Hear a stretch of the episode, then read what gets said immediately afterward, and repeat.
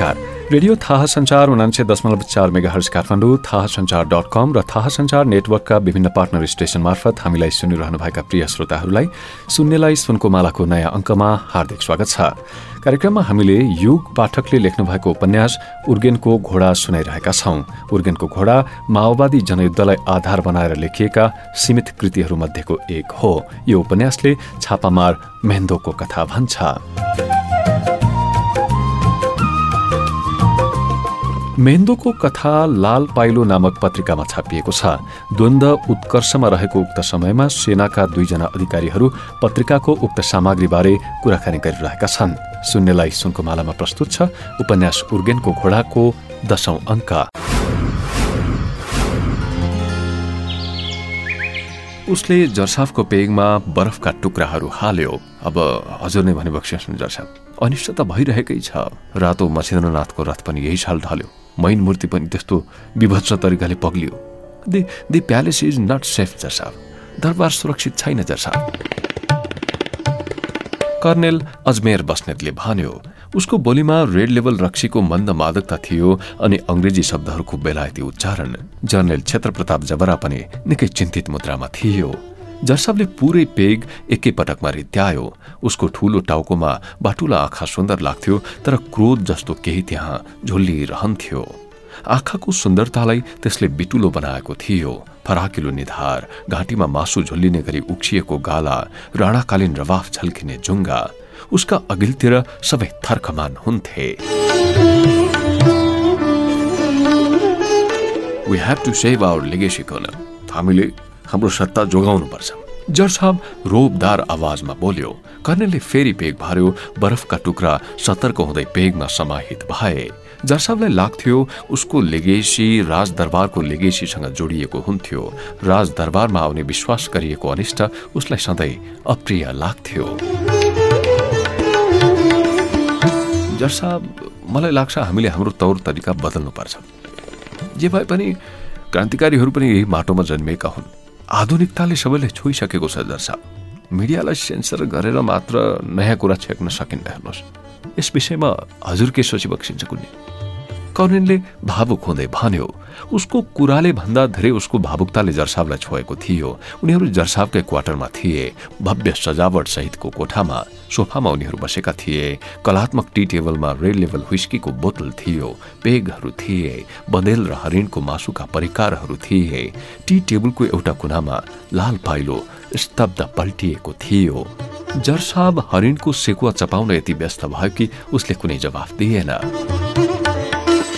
अनि सबै ब्यारेकमा मैन मूर्तिहरू पग्लिएको हो कर्साब जर्साबले रिपोर्ट माग्यो। विस्कीको प्रभाव उसको बोलीमा पर्न लागेको थियो। वास्तवमा उनीहरूले प्रशस्त पिइसकेका थिए। एक किसिमले पिउनै पर्ने माहौल पनि थियो। परिस्थितिहरूको चुनौती सामना गर्ने त्यो एउटा सुन्दर तरिका लाग्थ्यो। हजुर ज्यू जसा सबै ब्यारेकहरूबाट त्यस्तै रिपोर्ट आइरहेका छन्। कर्नेलले रिपोर्ट दियो। जर्साबले टी टेबलमा पढेको लाल पाइलोलाई घुरेर हेर्यो उनीहरूले उपन्यासको त्यो अंशबारे थाहा पाइसकेकै थिए।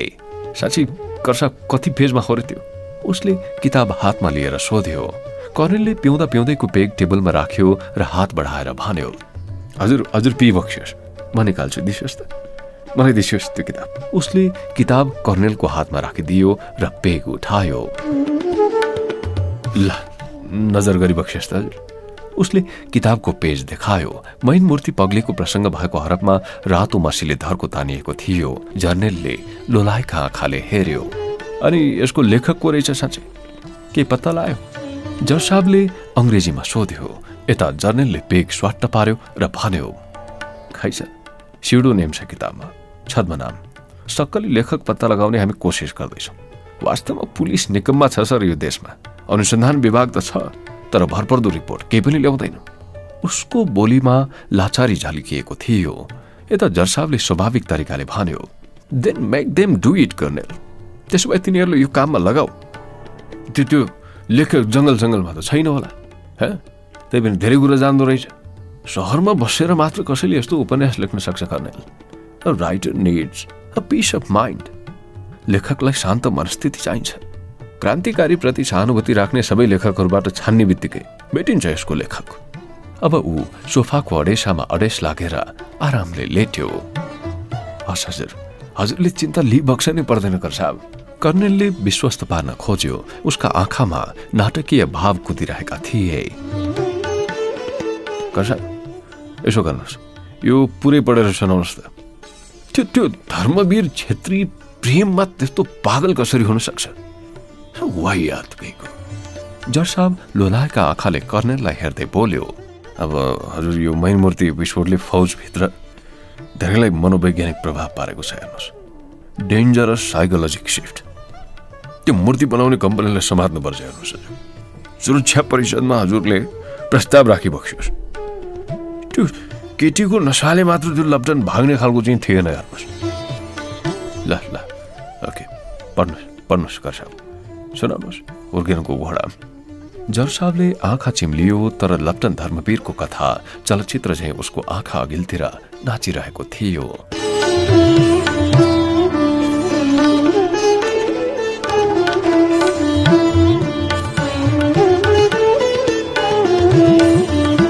लप्टन धर्मवीरको गोप्य पत्र दिग्विजयको हातमा थियो। भावुकता बस उसले चिठी सुमसुम्यायो नेपाली कागजले बनेको खस्रो खाममा पठाउनेको नाम थिएन। अरू कुनै शब्द पनि लेखिएको थिएन। मात्र लेखिएको थियो कमरेड मेन्दो। सुमेरुको प्रख्यात होटल एबोकाडो हरिया रुखले घेरिएको थियो। अनेक जातका सुनगावाहरू रुखका कापमा एक प्रकारको विशिष्टतासहित फुलाइएका थिए। दोस्रो तलाको कोठा नम्बर एक सय आठमा ठुल्ठुला झ्यालहरू थिए। त्यहाँबाट सुनगावाका नीला कलेजी र राता फूल नजिकै देखिन्थ्यो। दिग्विजय हातमा खाम बोकेर सुनगावाका फूल हेर्दै थियो निर्लिप्त जस्तो भावमा। बाक्ला हरिया पातबाट तप्प तप्प पानी चुइँदै थियो। भर्खरै एक झर पानी परेर थामिए पनि आकाशमा कालो बादलको राज्य चलिरहेकै थियो। बेला बेला हलुका आवाजमा मेघ कराउँथ्यो र रसिलो मौसम रोबदार हुन्थ्यो। चराको कोलाहलमय चिरबिरले सास ढल्किसकेको संकेत गर्दै थियो। लप्टन उसलाई चिठी दिँदा केही लजाएको थियो। लप्टनको सैनिक बान्कीको अनुहारमा लाजका विचित्र सिलिङ बिलिङ रेसा देखेर दिग्विजय मुस्कराएको थियो र त्यो मुस्कान अझैसम्म उसको अनुहारमा टाँसिएकै थियो। लप्टन गइसकेको थियो तर अत्तरको तिखो सुगन्ध कोठाभरि फैलिएर उसको अनुपस्थितिलाई अझ बेजोड बनाए जस्तो अनुभूति हुन्थ्यो। लप्टन हिजोभन्दा आज केही उत्साहित देखिन्छ। दिग्विजयको मनमा कुरा खेल्न थाल्यो। निराशाले खर्लप्प निलेको मान्छेलाई पनि प्रेमको भावनाले उत्साहित पार्दो रहेछ। तर उसलाई साई सेनामा रहने मन छैन। संकल्प गरिसकेपछि सारा व्यवधान बमपुड्के हुन्छन्। सेतीको डरलाग्दो धाजा कालो धर्सोभन्दा ज्यादा लाग्दैन। बर्लिनको पर्खाल ढल्छ धरहरा फुच्चे हुन्छ। अब उसले विद्रोह गर्न सक्छ काया पलट हुन्छ। हुन्छ साहबलाई क्रान्तिकारी बनाउनै पर्छ। इतिहासको आवश्यकता पनि यही हो। दिग्विजय एक्लै भुनभुनायो उसलाई तलतल लाग्यो र सिगरेट मुखमा च्याप्यो सोफामा बस्यो अनि सोफामै असरल्ल पसारिएको कोटको खल्ती छाम्न थाल्यो। लाइटर फेला पर्यो हावा बहेको थिएन त्यसैले सिगरेटको धुवा कोठाभरि गुम्फियो। चुरोट सकिँदा नसकिँदै ढोका कसैले ढकढक्यायो ऊ सजग भयो। सर रुम सर्भिस बाहिरबाट होटलको रुम बोय बोलेको सुनियो। सचेत ढङ्गले विस्फारित आँखा अकस्मात स्वाभाविक भए उसले भन्यो खुलै छ खुलै छ ढोका खुलै छ भाइ you can come in handle घुम्यो ढोका खुल्यो सर हजुर माथवर थापा हुनुहुन्छ होइन सर रुम बोयले व्यावसायिक मुस्कान र तालिमे आदरार्थी भाषा प्रयोग गर्यो यस उसले रवाफिलो शैलीमा स्वीकार गर्यो रुम बोयले नजिकै बिछाएको कार्टुनको बाकस उठाउँदै भन्यो सरको सामान आइपुगेछ यता उसले अन्तिम सरको चुरोट तान्यो र एस्ट्रेमा किचिमिची पारिदियो अनि उठ्यो र सामानको भरपाईमा सही गरिदियो। उसले केही जरुरी सामान मगाएको थियो गोप्य रूपमा।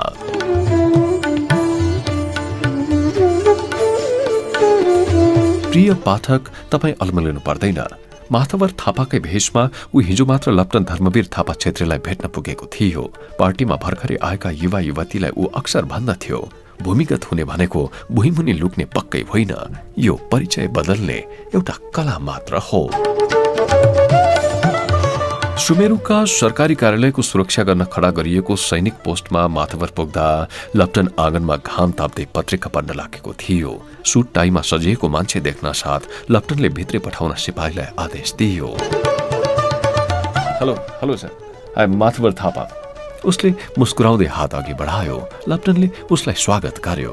उनीहरू आँगनको पहरिलो ठाउँमा राखिएको प्लास्टिकका कुर्सीमा बसे।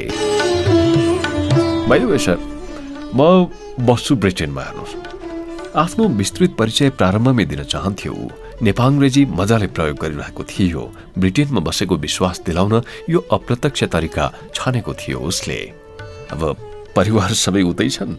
म चाहिँ रिसर्चको सिलसिलामा यता आएको वास्तवमा दरबार हत्याकाण्डपछि हजुरको नेपालको बारेमा उताका मिडियाले धेरै खबर दिइरहेछन् हेर्नुहोस्। क्रान्तिकारी विद्रोह पनि त्यस्तै चर्चामा छ। एक प्रकारले नेपाल हटकेक भएको छ भनौँ न उता। उताको लागि। ए ओके। तपाईँ माथापर थापा हुनुहुँदो रहेछ। म पनि थापा छेत्री नै हुँ। लप्टनले मुस्कुराउँदै भन्यो आकर्षक युवक थियो। करिब साढे पाँच फिट उचाइ गोलो बान्की मिलेको अनुहार हट्टा कट्टा तालिमे शरीर र छोटो गरी काटिएको मिलिटरी स्टाइलको कपाल उसलाई खुब सुहाएको थियो। नमिलेको केही थियो भने उसको अनुहारमा व्यक्त निराशा। यही निराशाको मेसो समाएर दिग्विजयले उसलाई भेट्ने चाँजो मिलाएको थियो। दिग्विजयले फेरि अङ्ग्रेजी मिसाएर भन्यो हो हो मलाई थाहा छ सबै कुरा। तपाईँको पारिवारिक इतिहास पनि सुनेको छु मैले हेर्नुहोस्। त्यसैले यहाँ आएर म तपाईँलाई नै भेट्न चाहन्थेँ। अब अब मेरो कुरा गर्नुहुन्छ भने मेरो जिजु बुवाले देउथलको युद्धमा रगत पगाउनु भयो बुझ्नुभयो त? भक्ति थापाको फौजमा हुनुहुन्थ्यो। अङ्ग्रेजसँग लड्ने वीर मध्ये उहाँ पनि एकजना हुनुहुन्थ्यो। देउथलको त्यो रणभूमिमा म चार दिन अघि मात्र पुगेका थिएँ। बुझ्नुभयो त? माथबरले सुटकेसको लक नम्बर मिलायो र फ्याट्ट सुटकेस गार्यो यु क्यान सी इट देउथलको माटो मेरो जिजु बुबाको रगत मिसिएको माटो उसले यसो भन्दै सुटकेसबाट फेरि एउटा पोको झिक्यो। पोको खोल्यो र केही गेग्रान मिसिएको कालो माटो देखायो। उसको अनुहार अद्भुत ज्योति पैदा भए झैँ चम्कियो। लप्टन यता अभाक भएर हेरिरहेको थियो। ऊ बोल्न चाहन्थ्यो तर शब्द शून्यताको कष्टकर बोध भइरहेको थियो उसलाई। माथवरले कालो माटोलाई सुस्तरी सहलायो। ऊ भावुकताको अपरिमित गहिराई नाप्दै थियो अनुभूतिको यस्तो विशिष्ट क्षणलाई व्यक्त गर्न भाषा कहिलेकाहीँ अपुग जस्तो हुन्छ।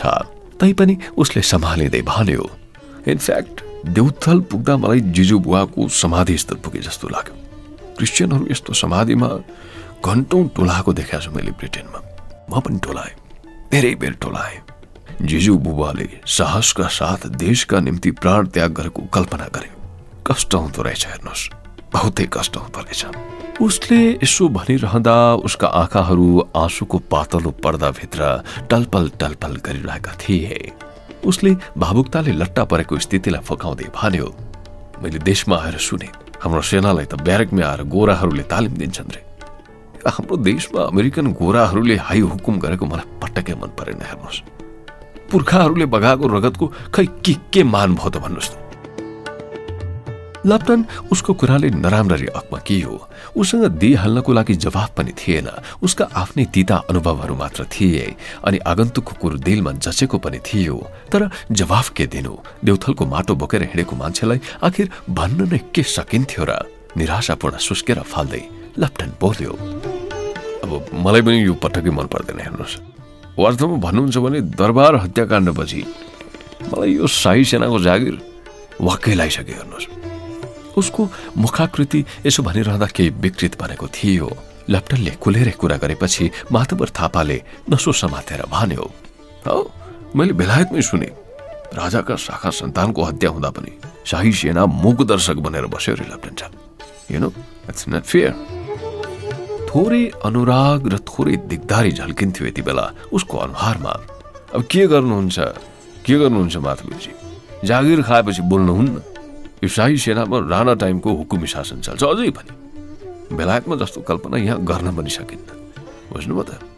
लप्टनले तितेपाती चपाए झैँ मुख बिगारेर भन्यो त्यही त लप्टन छ तपाईँ त क्रान्तिकारीसँग लड्न पनि जानुभयो होला नि।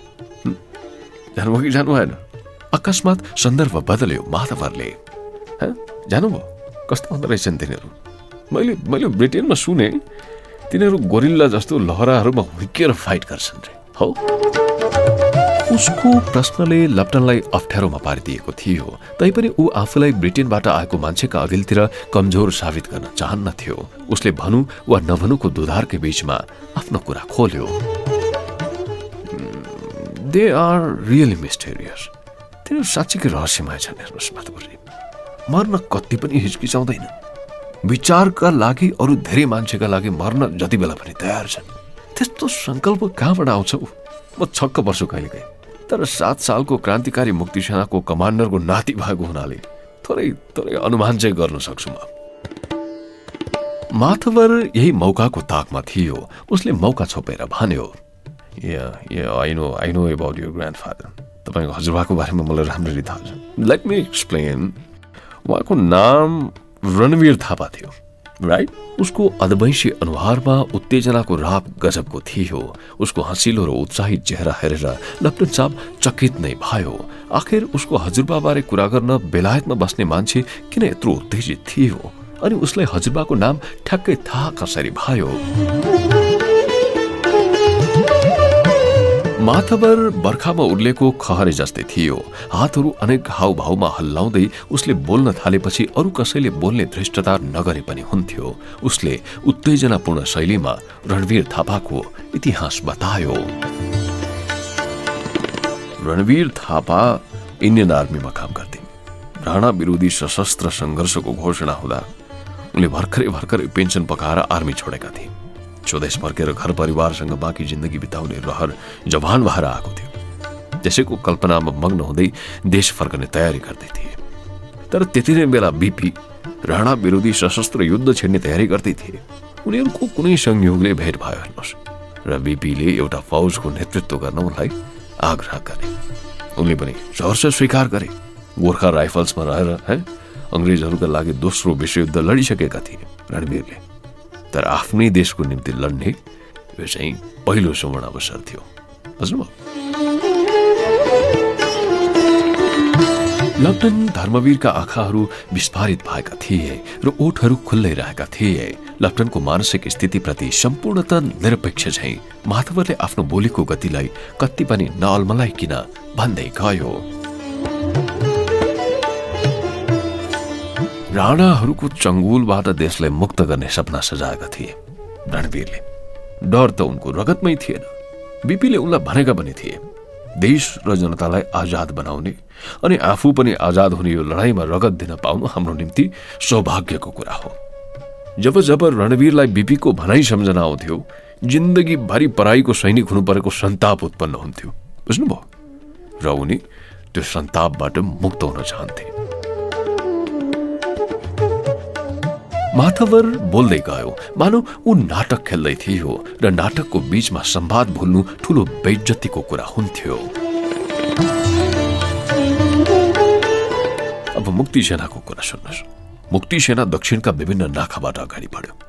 रणवीर थापाले नेतृत्व गरेको फौज रक्सौलबाट देशमा छिर्यो र राणाको फौजलाई तहस नहस पार्दै अगाडि बढ्यो। वीरगन्ज कब्जा गर्न उनीहरूलाई कुनै कठिनाई भएन। किनभने राणाले भाडामा खटाएका सिपाही उनीहरूको आक्रोश र ओजको अघिल्तिर धेरै बेर टिक्नै सकेनन्। मुक्तिको आकाङ्क्षाले उनीहरूको छाती असाध्यै असाध्यै दर्विलो हुन्थ्यो अनि साहसका बलिया किल्लाहरू स्वतः बन्दै जान्थे। वीरगन्जमा कब्जा जमाइसकेपछि मुक्ति सेनाको त्यो फौज आधी जस्तो अगाडि बढ्यो। अनि अर्को किल्ला थियो सुमेरु सहर। त्यति बेला सुमेरु सहर जस्तो थिएन हेर्नुहोस् के झुप्रा थिए। बरु सुमेरुबाट एघार कोष जति अगाडि बढेपछि अग्लो पहाडहरूको बीचमा भीमफेदी भन्ने सहर थियो। त्यहाँ राणाहरूको शीतकालीन मोज मस्तीका लागि बनाइएका दरबार थिए हात्तीसार थियो। फेरि भीमफेदी याम्बु छिर्ने नाका पनि थियो। मुक्ति सेनाले सुमेरु पनि कब्जा गर्यो अनि त्यहाँबाट अगाडि बढ्यो। राणाको फौजमा हेर्नुहोस् भागाभाग रणवीर थापा अत्यन्तै उत्साहित थिए। उनीहरूले भीमफेदी पनि सजिलै कब्जा गर्यो। अब यही हिसाबले मुक्ति सेना चारैतिरबाट अगाडि बढ्ने हो भने याम्बु कब्जा हुन्थ्यो र राणा श्रीतिन फाँसीमा चढ्थ्यो। फ्रान्सको क्रान्तिमा चाहिँ। याम्बु कब्जा गर्ने तेजिलो आकाङ्क्षा बोकेर रणवीर थापाको फौज अगाडि बढ्यो। तर बिपीले दिल्लीमा सम्झौता गरिदिए र मुक्ति सेनालाई लडाईँ रोक्ने आदेश पठाइदिए। अनि के भयो? तपाईँको हजुरबाले अपमानित महसुस गर्नु र बिपीको आदेश अस्वीकार गरिदिनु भयो तर उहाँको मात्र के लाग्थ्यो? लडाईँ त सकिसकेका थियो। र राणाको सेनाले फेरि सबै सहरमा कब्जा जमाउन थाले रणवीरले सम्झौता अस्वीकार गरे तर विद्रोह चाहिँ गर्न सकेन मुक्ति सेना अस्थायी र हतियारको हिसाबले पनि कमजोर थियो विचारको बलले लड्ने सेनाको मस्तिष्कबाट विचारको आवेग नै झिकिदिएपछि बाँकी के रहन्थ्यो यो रोगी देशको रोगी सत्ता फालेर परिवर्तन गुल्जार गर्ने त्यो लडाई अधुरै रहन पुग्यो त्यसैले त्यसैले रणवीर थापाको आत्मा अझै अतृप्त छ धर्मवीरजी The soul of your grandfather is still dissatisfied. मातवरको कहानी किम्बदन्ती जस्तो लाग्थ्यो। कुनै लोक कथाको राजकुमार झैँ राक्षसको प्राण खोज्न फटिकको खम्बा खोजिरहेका लप्टनका हजुरबा राक्षसलाई मार्न आतुर थिए। आफ्नै प्राण प्यारी प्रेमिकालाई बचाउन हतारिएका थिए तर फटिकको खम्बामा तरवार प्रहार गर्न साथ राजकुमार कुनै अदृश्य शक्तिको प्रभावले अन्धो हुन पुग्यो र फटिकको खम्बाबाट उडेका भमरा मध्ये राक्षसको प्राण भएको भमरा पक्रन सकेन। मातबरका कुरा सुनेर लप्टनलाई चर्को प्यास लाग्यो। ऊ चिच्यायो ए ए धनसिंह! धनसिंह! पानीले चिया पनि लिएर आइज। चिया माथवर निकै गम्भीर देखियो। थके जस्तो। लप्टन उसको गम्भीरतामा भावनात्मक प्रेमको छनक देख्दै थियो बन्धुत्व देख्दै थियो। आँगनमा पारिलो घाम लागेकोले सुमेरुको जाडो क्रमशः पातलिँदै गयो। उनीहरू दुवै आफ्नै दुनियाँमा हराए झैँ देखिन्थे तर दुवैको ओठ चियाको चुस्की तान्न घरिघरि चाइनिज माटोले बनेको कपलाई चुम्बन गर्न पुगिरहन्थे। माथवरजी तपाईँलाई हु बहुत थाहा रहेछ मलाई पनि यो कथाले घोचिरहन्छ हेर्नुहोस्। लप्टनले चियाको गिलासबाट आँखा हटाएर माथवरलाई हेर्दै भन्यो माथवर अलिकति मुस्कुरायो। कथा होइन धर्मवीरजी। इतिहास हो यो हाम्रो नेपालको। रणवीर थापाको आत्मा अझै अतृप्त छ याम्बु जित्ने उनको इच्छा जसै अधुरो रह्यो। इतिहासदेखि वर्तमानसम्म यहाँका जनताले कहिले सुख पाएनन् हेर्नुहोस् माथवरजी यस्तै यस्तै कुरा त गर्छन् नि क्रान्तिकारी पनि। मैले एकपल्ट तिनीहरूको क्याम्पमा समय बिताउने मौका पाएको थिएँ। मलाई मलाई तिनीहरूले मार्ने थिए हेर्नुहोस् तर म बाँचेँ। उनीहरूले बन्दी बनाए मलाई। हामी त क्रान्तिकारी नामको चरा हो भन्ने लाग्यो भने हाँगाबाट चरा पनि गिराइदिन्छौँ। तर तिनीहरूले मलाई मारेनन् हेर्नुहोस्। त्यही बन्दी जीवन बिताइरहँदा मैले एउटी केटी देखेँ हेर्नुहोस् त्यहाँ। लामो न लामो कपाल भगी मेन्दो भन्थ्यो उसलाई। त्यो त्यो केटी यमराज भएर मेरो अगाडि आएको थिए मार्छ कि जस्तो पनि लाग्यो तर उनीहरूले लडाइँ जितिसकेका थिए उसले मलाई बन्दुक सुझाएर अघि अघि हिँड्न लगाए मृत्युको घनघोर त्रासको वातावरणमा पनि मलाई त्यसको लामो न लामो कपालले खुब आकर्षित गरेको थियो त्यो त्यो कपाल ऊ मलाई समात्न आउँदै गर्दा पोकेर चाहिँ तपाईँको कम्मरभन्दा तलसम्म झरेको थियो यो सब भनिरहँदा निकै भावुक भएको थियो लाप्ठन। यता माथाभरका आँखा कोइलाको जब्बर खानी खन्दै जाँदा भेटिएको हिरा जस्तो टल्किएका थिए। मानव विजय उत्सव मनाइरहेका थिए। उसले मौका खेर जान नदी अङ्ग्रेजीमा भन्यो Mr. Chetri, you look quite sentimental. Hmm? Are you in love with her? माधवरले भन्यो तपाईँ त भावुक पो देखिनु भयो उसको प्रेममा पर्नुभयो कि क्या हो यता थोरै लाजले भुइँतिर झुक्दै लप्टनले भन्यो हो त्यस्तै केही भएको छ मलाई म उसको टोलीमा हेर्नुहोस् धेरै दिन गाउँघर डुल्दै हिँडे तिनीहरूको संसारै विचित्रको गाउँ गरिबहरू झुत्रे झाम्रे मान्छे गिटार बोकेका केटाकेटी मान्नका निम्ति होडबाजी गर्ने युवा युवती फेरि मलाई मेन्दोले पनि धेरै सहयोग गरे तर मैले छातीभरि उम्लिएको प्रेम व्यक्त गर्न सकिनँ। मलाई मलाई त्यो छापामार केटीसँग डर लागिरह्यो अन्तिम दिनसम्म पनि। धर्मवीरले यसो भनिसकेपछि माथवरले थप्यो। Okay but you can write letter to her म उनीहरूको क्याम्पतिर घुम्न जाने विचार पनि गरिराखेको छु र केही लिङ्कहरू पनि मिलाएको छु मैले र सानोतिनो रिसर्चको प्लान गर्दैछु। सायद म तपाईँलाई सहयोग गर्न सक्छु। म चिठी पुर्याइदिन सकुँला? लेट्स ट्राई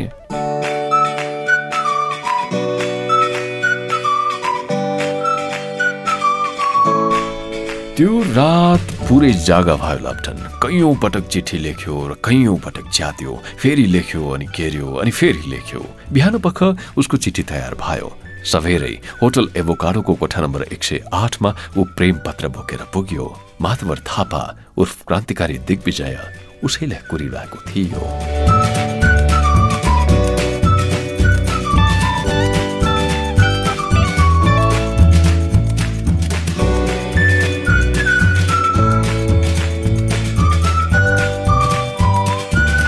अन्तत लप्टन धर्मवीरले विद्रोह गर्यो। विद्रोह गर्ने बेला ऊ सुमेरुबाट सरुवा भएर पश्चिम पुगेको थियो। प्रेम पत्रको तुइन मार्फत दिग्विजयले लप्टन साहबलाई वारी साई सेनाको ब्यारेकबाट पारी जनसेनाको क्याम्प पुर्याएको थियो। उसको टेक नाम पहिले तयार थियो कमरेड विद्रोह। ऊ हात हतियार सहित गस्तीबाट हिँड्यो तर जता हिँड्यो र जहाँ पुग्यो त्यो दिग्विजयलाई मात्र थाहा थियो। गन्तव्यमा पुगेपछि मात्र उसले गन्तव्यको पत्तो पायो।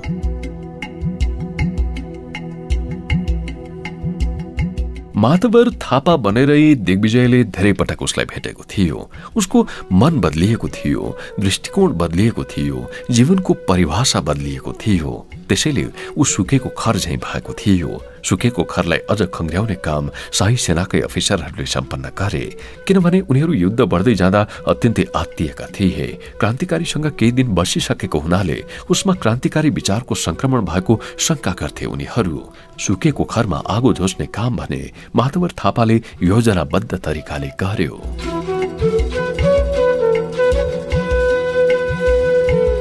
माधवर थापा माधवर थापा नै दिग्विजयको वास्तविक नाम थियो तर माधवर थापालाई कसैले चिनेको थिएन। क्रान्तिकारी भित्रै पनि त्यो नाम चिन्ने मान्छे एकदमै थोरै थिए। औलामा गन्न सकिने नेताहरूलाई मात्र माधवर थापाको अस्तित्व थाहा थियो। जनयुद्धको डिजाइन कोर्ने बेला उनीहरू थिए नै कति र बीस वर्षको भूमिगत जीवनमा ऊ कहिले पनि अरू नामले चिनिएन। दिग्विजय त उसको स्थायी नाम नै बनेको थियो। त्यो पनि पार्टीभित्र। बाहिर त ऊ सधैँ भूमिगत नै रहन्थ्यो।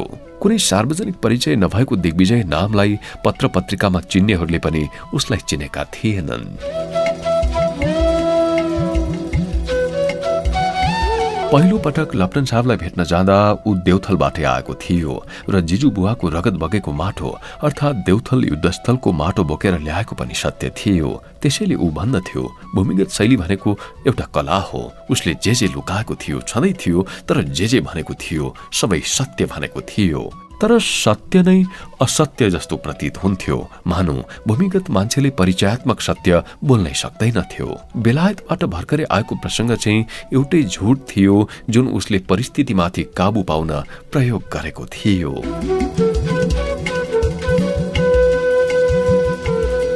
ऊ भूमिगत छँदै उसको परिवार एम्बु छोडेर बेलायत गएको थियो।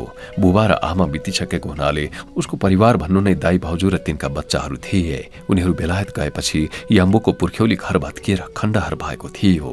माधवर थापा दुई चार पटक खण्डहर भएको घर हेर्न पुगेको पनि थियो। मौन घर इतिहासको अवशेष जस्तो। खानदानी इट्टाहरूमा ढल्दो सामन्ती व्यवस्थाका खाटा बसेका चारैतिर अग्ला अग्ला कङ्क्रिटका घरहरू ठडिएका थिए। मानव उसको पारिवारिक इतिहास छोप्न तिनीहरू एकदम आतुर थिए।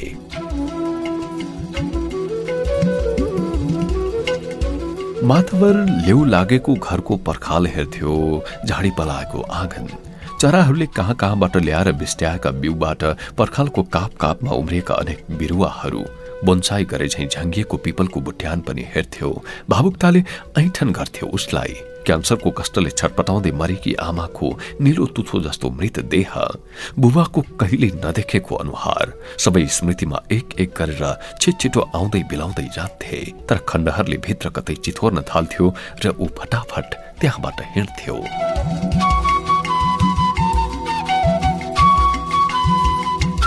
छिमेकीहरू पर्खालभित्र छोपिएका थिए। कसैले देख्दैनथ्यो देखे पनि कसैले उसलाई चिन्दैनथ्यो त्यस्तो संयोगले उसको भूमिगत जीवनको भूमिगत अनुभूतिलाई दही जस्तो बाक्लो बनाउँथ्यो।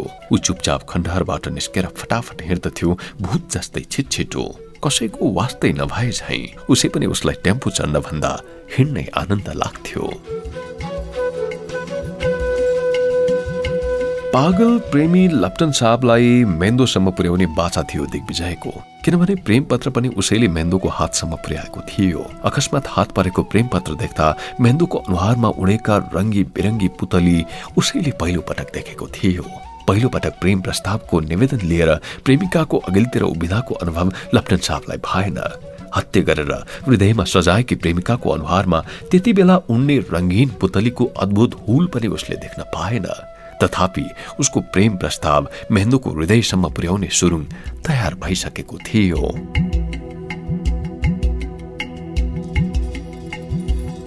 नयाँ क्रान्तिकारी कार्यकर्ता कमरेड विद्रोहको भव्य स्वागत भयो। गलामा रातो फूलको माला लगाएर उसले प्रशस्त शुभकामनाका भाषण सुन्यो शुभकामनाले भरिएका हातहरू मिलायो अनौठो अनुभूति भयो। हिजोसम्म दुश्मनको परिभाषाभित्र अटाएकाहरू परिभाषाको खोल फुटाएर फटाफट बाहिर निस्कँदै थिए सहयात्रीको नयाँ परिभाषा सहित। मानौ उथारो पूर्ण भएको थियो र अण्डाको खोल फुटाएर पहिला चल्लाहरू बाहिर निस्कँदै थिए।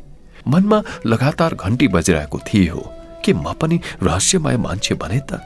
तर हरेक रहस्यको पर्दा खुल्न साथ रहस्य रहस्य रहँदो रहेनछ। प्रेम पत्रको जवाफ आएको थिएन। मेन्दु कहाँ थिए? उसलाई थाहा थिएन। दिग्विजय पनि बेपत्ता थिए। प्रेम प्रस्तावको जवाफ यति धेरै समय कुर्ने पहिलो प्रेमी सायद उही थियो। कुर्दा कुर्दै यति धेरै हृदय हल्लाउने घटना भोग्ने पहिलो प्रेमी पनि उही नै थियो। प्रेमिकाको अनुहार समेत याद नहुँदा पनि अनुहारको आभासलाई नै प्रेम गरिरहने पहिलो प्रेमी पनि सायद उही नै थियो।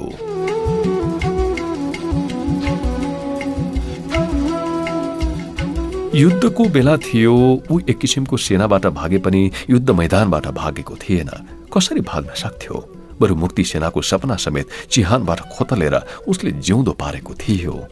हजुरबाको संकल्प समेत उसको हृदयमा धुकधुकीको चालसँगै बलिरहने दियो भएको थियो। यस्तैमा उसले सैन्य तालिम विभाग सम्हाल्नु पर्ने भयो। निर्णय सुन्दा उसलाई कुनै प्रतिक्रिया सुझेन। मेहन्दुसँग भेट हुने कल्पनाद्वारा निर्मित गुत्थी हृदयभित्र जोगाएर उसले जिम्मेवारी सम्हाल्यो। सुरुमा त उसलाई अजीब पनि लाग्यो। केटीहरू लाइन लागेका छन् कलिला ठिटा ठिटी ख्याउटे मान्छेहरू। होचा मान्छेहरू उभिएका छन्। कसैको कम्ब्याक्ट फाटेको छ कसैको मैलो धैलो पुरानो छ। गोल्ड स्टार जुत्ता लगाएका छन् धेरैले कोही कोही त चप्पलमै बिहेका छन्। यस्तो पनि सेना हुन्छ। उसले एकपटक सोच्यो यस्तै सेनाले शाही सेनासँग भिड्ने हिम्मत गरेको होला। सलक्क परेका कुनै खोट नभएका केटाहरू छानिन्थ्यो त्यहाँ। यहाँ त तछाड मछाड गरेर सेना बन्न चाहनेहरूको अनौठो मिश्रण छ। गरिबहरूको सेना। कस्तो सेना यो? धर्मवीरको मनमा यस्ता हजार प्रश्नहरू उठे। फेरि बिहान बख आकाशका ताराहरू बिलाए झैँ मिलाएर गए ती प्रश्नहरू।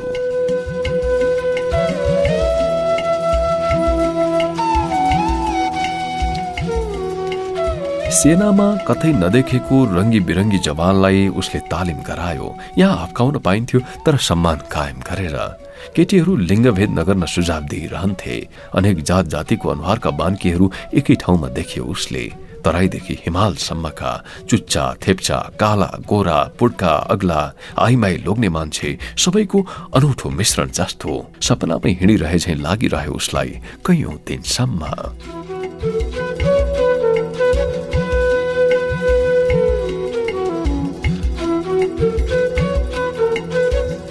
उसलाई छक्क पार्दै केटीहरू ठुल्ठुला खाल्टा नागिदिन्थे। अग्लो रुखमा झुन्ड्याइएको डोरीबाट सर्प झैँ सुलुल्ल चढ्थे। ख्याउटे मान्छेहरू हाँगा हाँगा बाँदर झैँ फड्केर देखाइदिन्थे। चट्टाने पहरा चढ्दा त कोही भन्दा कोही कम हुँदैनथे। उनीहरूको हाँसी मजाक गफ गफ प्रेम विनोद हरेक चिज उसका लागि नयाँ थिए।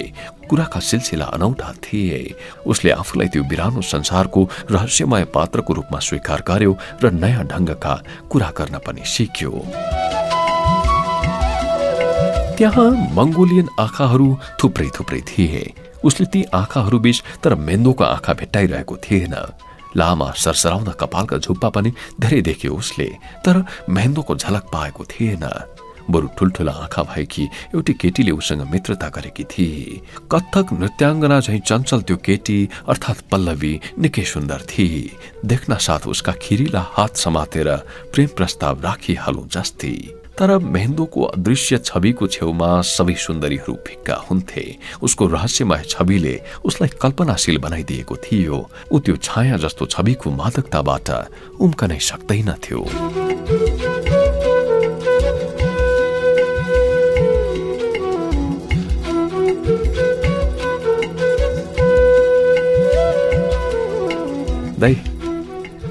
याद आउँदैन तपाईँलाई? हल्का कालो अनुहारमा चञ्चल आँखाहरू भएकी त्यो केटीले उसलाई एक दिन बिना प्रसङ्ग फ्याट्ट सोधे। ऊ अलि परै थिए ढिलमा बसेर भर्खरै नुहाएको कपाल झट्कार्दै थिए। कमरेड विद्रोह अर्थात् धर्मवीर असिन पसिन भएर दाउरा चिर्दै थियो। उज्याएको बन्चरो हावामै टक्क अडियो। मनमा झस्को पसे झैँ भयो उसलाई। चटक्कै काम छोडेर ऊ नजिकै गयो। ऊ सुदूर पहाडहरूको तरेली हेरेर बसेकी थिए कपाल काहीँले कोर्दै मानौ उसलाई केही थाहै थिएन मानौ उसले केही भनेकै नै छैन तपाईँले किन सोध्नुभयो भर्खर त्यस्तो धर्मवीरको स्वर केही कम्पित थियो डराए जस्तो उसको गन्जी परिश्रमको पसिनाले लफरक्क भिजेको थियो निधारमा चिटचिट पसिना आएको थियो तर केटी केही पनि बोलिन त्यो पनि निष्फिक्री। सुन्नु न बहिनी तपाईँले महेन्द्रलाई भेट्नु भएको छ। उसले फेरि सोध्यो होइन कि दाइ दिग्विजय दाईले भन्नुभयो तपाईँ उसलाई प्रेम गर्नुहुन्छ अरे। तर कहिले उसको बारेमा सोध्नु भएन। त्यसैले सोधे नि दाई केटीले हाँसो मिसाएरै भने खै के सुन्नु र बहिनी? राम्रोसँग उसको अनुहार त याद छैन मलाई। अप्ठ्यारोमा बिताएको समयले मिठा कुराहरू पनि बिर्साउँदो रहेछ बहिनी। ऊ अलिकति लजायो। उसको लजाउने ढङ्गले पल्लवीलाई झन कुतकुत्यायो तर उसले हाँसो रोकी। हाँसो पनि नमिठो हुन सक्ने परिस्थिति थियो। तर तपाईँको चिठी मैले पढाएको नि दाइ पल्लवीले ढाडभरि कपाल फिजाएर भने चिठी त अचम्मै राम्रो लेख्नु रहेछ तपाईँले। प्रेम पत्र लेख्ने यस्तो तरिका पनि हुँदो रहेछ। मलाई त थाहै थिएन। पल्लवीको कुरा सुनेर ऊ अझै लजायो। गोप्यता भङ्ग भइसकेको आभासले उसको घाँटी अठ्यायो। अरू कतिले पढेका होलान् त त्यो चिठी। उसलाई चिठीमा कुनै अतिरञ्जित त थिएन भन्ने पिर लाग्यो। सम्झना खोज्यो के के लेखेको थियो। ऊ झन् लज्जित हुन पुग्यो। अनि परिस्थितिबाट टकटकिँदै उसले भन्यो अब के भन्नु पल्लवी बहिनी? प्रेम पत्र भन्दा पनि अब मेरो केही अनुभूतिहरू लेखेका थिएँ त्यो चिठीमा नै। अनि त्यही त सुधेन दाई मेन्दो दिदी मेरो मिल्ने साथी पनि हो के? उसले सकसपूर्ण स्थितिलाई सामान्य बनाउने कोसिस गर्दै भने कमान्डो टिममा छानिएर मिसनमा गएकी छिन् मेन्दो दिदी। आएपछि भेटाउँला है दाई पल्लवीले यसो भन्ना साथ विद्रोहका कैला आँखामा लालुपाते फुल्न थाल्यो।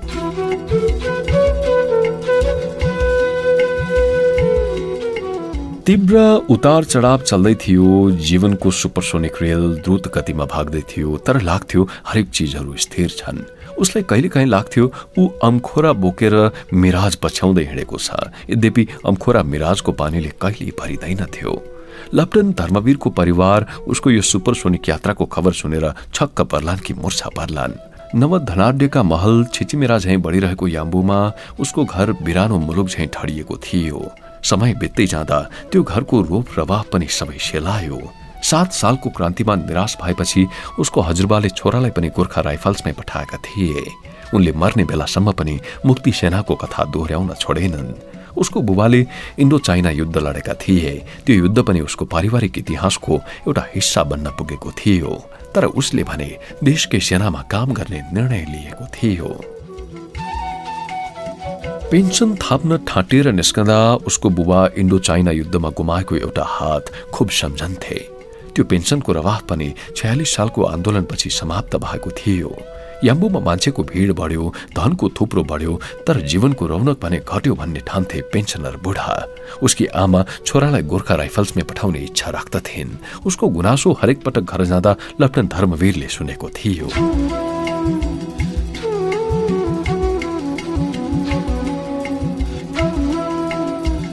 पल्लवीसँगको कुराकानीपछि आँखामा त्यस दिन फुलेको लालुपाते विद्रोहले धैर्य साथ जुगाएर राख्यो।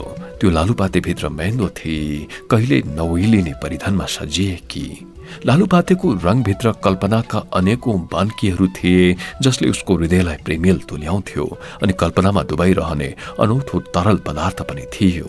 पल्लवीले एघार दिन एघार घण्टा र एघार मिनटपछि आफ्नो बाचा पूरा गरी। कल्पनाको धमिलो छाया बनिसकेकी मेहेन्दोलाई आँखै अघिल्तिर देख्दा आँखाले भ्याउनेसम्म आकाश क्षितिज र वनपाखा सबैतिर लालु पातेको रङ छरिन पुग्यो।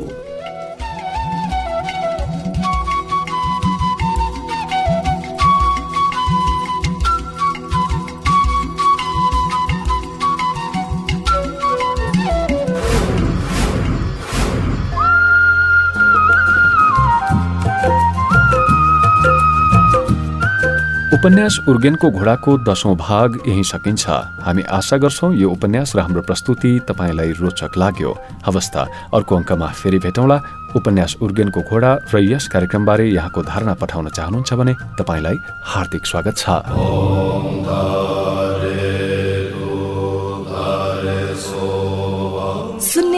सुनको माला। यस कार्यक्रमको publicity partner T B I group Nepal. Recording तथा मिक्सिङ भुवन पौडेल अनियर टेक्निसियन जयराम नगरकोटी भोला तिमल सिन्हा, र सृजना तामाङ, सूत्रधार पवनराज पौडेल, लेखक युग पाठक। प्रतिक्रियाका लागि फेसबुक डट कम स्ल्यास थाहा सञ्चार वा थाहा सञ्चार एट जिमेल डट कम